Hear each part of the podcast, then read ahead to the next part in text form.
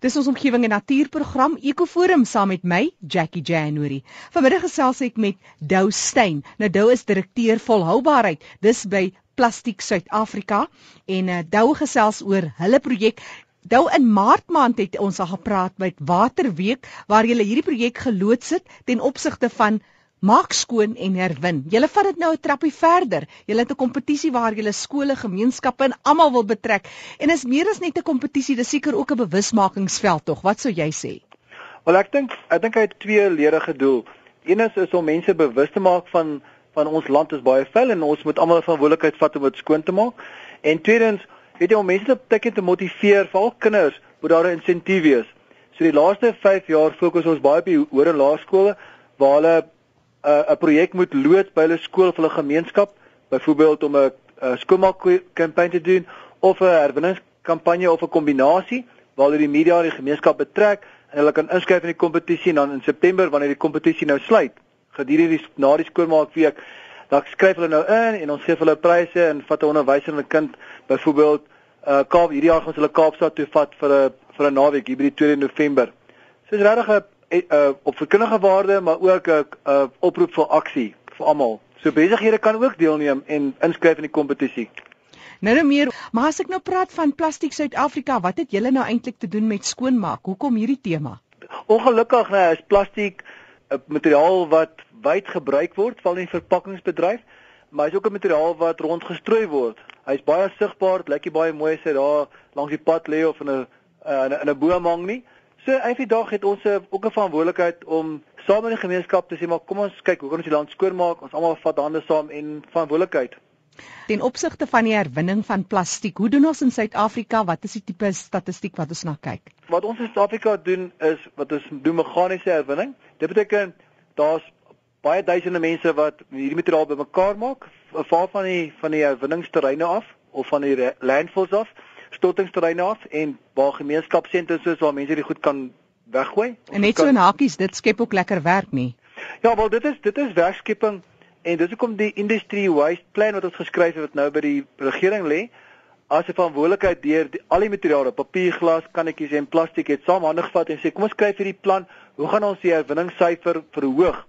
Nou die plan moet nou net deur die departement goedgekeur word, maar die doel dan is om te kyk hoe gaan ons saamwerk met munisipaliteite, met die gemeenskap met afvalbestuur organisasies, herwinnaars, hoe gaan ons meer materiaal uit die afvalstroom uitkry? Nou ons in Engels noem ons dit separation at source, waar die huishouding byvoorbeeld 'n sak en 'n drom het, hierdie wheelie bins, waar die herwinningsmateriaal gaan na 'n sentrale punt toe waar dit dan deur spesialis mense gesorteer word. As dit na 'n herwinningsplek toe gaan of 'n afvalsterrein, is dit gewoonlik vuil.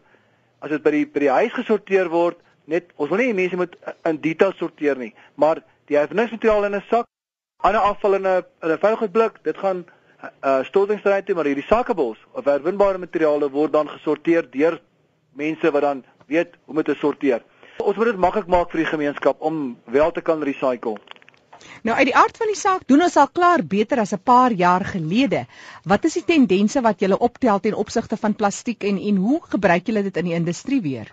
Ja, ek gaan vir jou 'n voorbeeld gee. Ons ons het 200 herwinningsmaatskappye wat plastiek herwinningsmateriale aankoop. Ek gee vir jou een voorbeeld.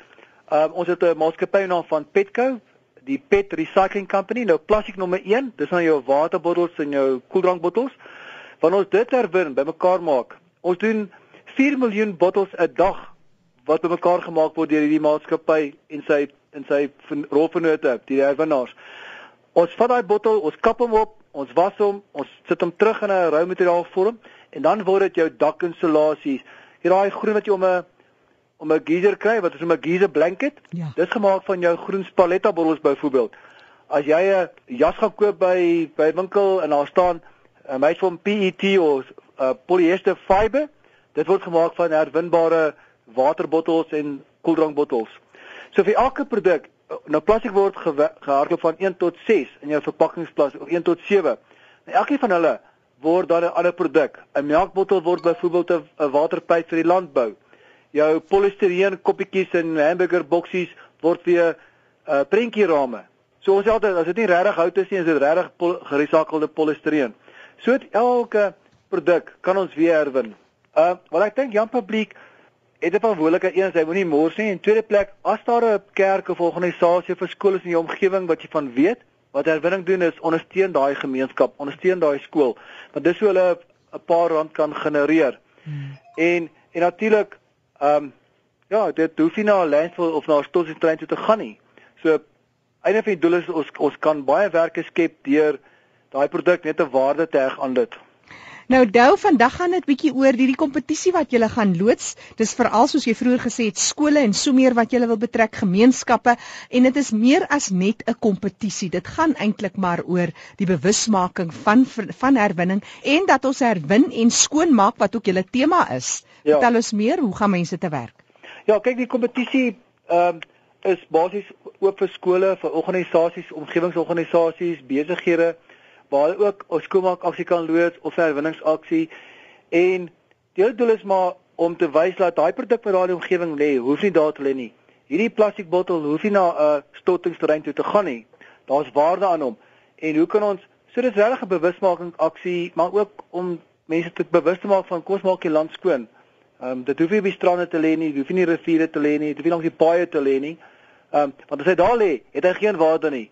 Hy kan 'n waarde kry sodra hy hom in die herwinningsstroom in in inbring. Hoe gaan mense te werk om om hulle inskrywings by julle te kry en so meer? OK, die inskrywingsvorm is op ons cleanup uh webwerf. Dis www.cleanup-sa.co.za. Uh ons is nou besig met die recycling webwerf om die recycling dag webwerf wat die 14de September is, gedurende cleanup week om daai webwerf net gou op te dateer in die volgende dag of twee. Herhaal gou vir ons sy webtuiste. Ek dink die maklikste een is om te gebruik heidaglik is www. die woord cleanup-sa.co.za en so gesels Dou Steyn. Hy is direkteur volhoubaarheid by Plastiek Suid-Afrika. Gemaak het draai by die webtuiste 'n wonderlike projek om deel te wees aan. Ek is seker vir skole, vir gemeenskappe, wie ook al. Dis altyd lekker om saam te werk in so 'n projek. Ek herhaal gou daai webtuiste, dis www.cleanup koppelteken sa.co.za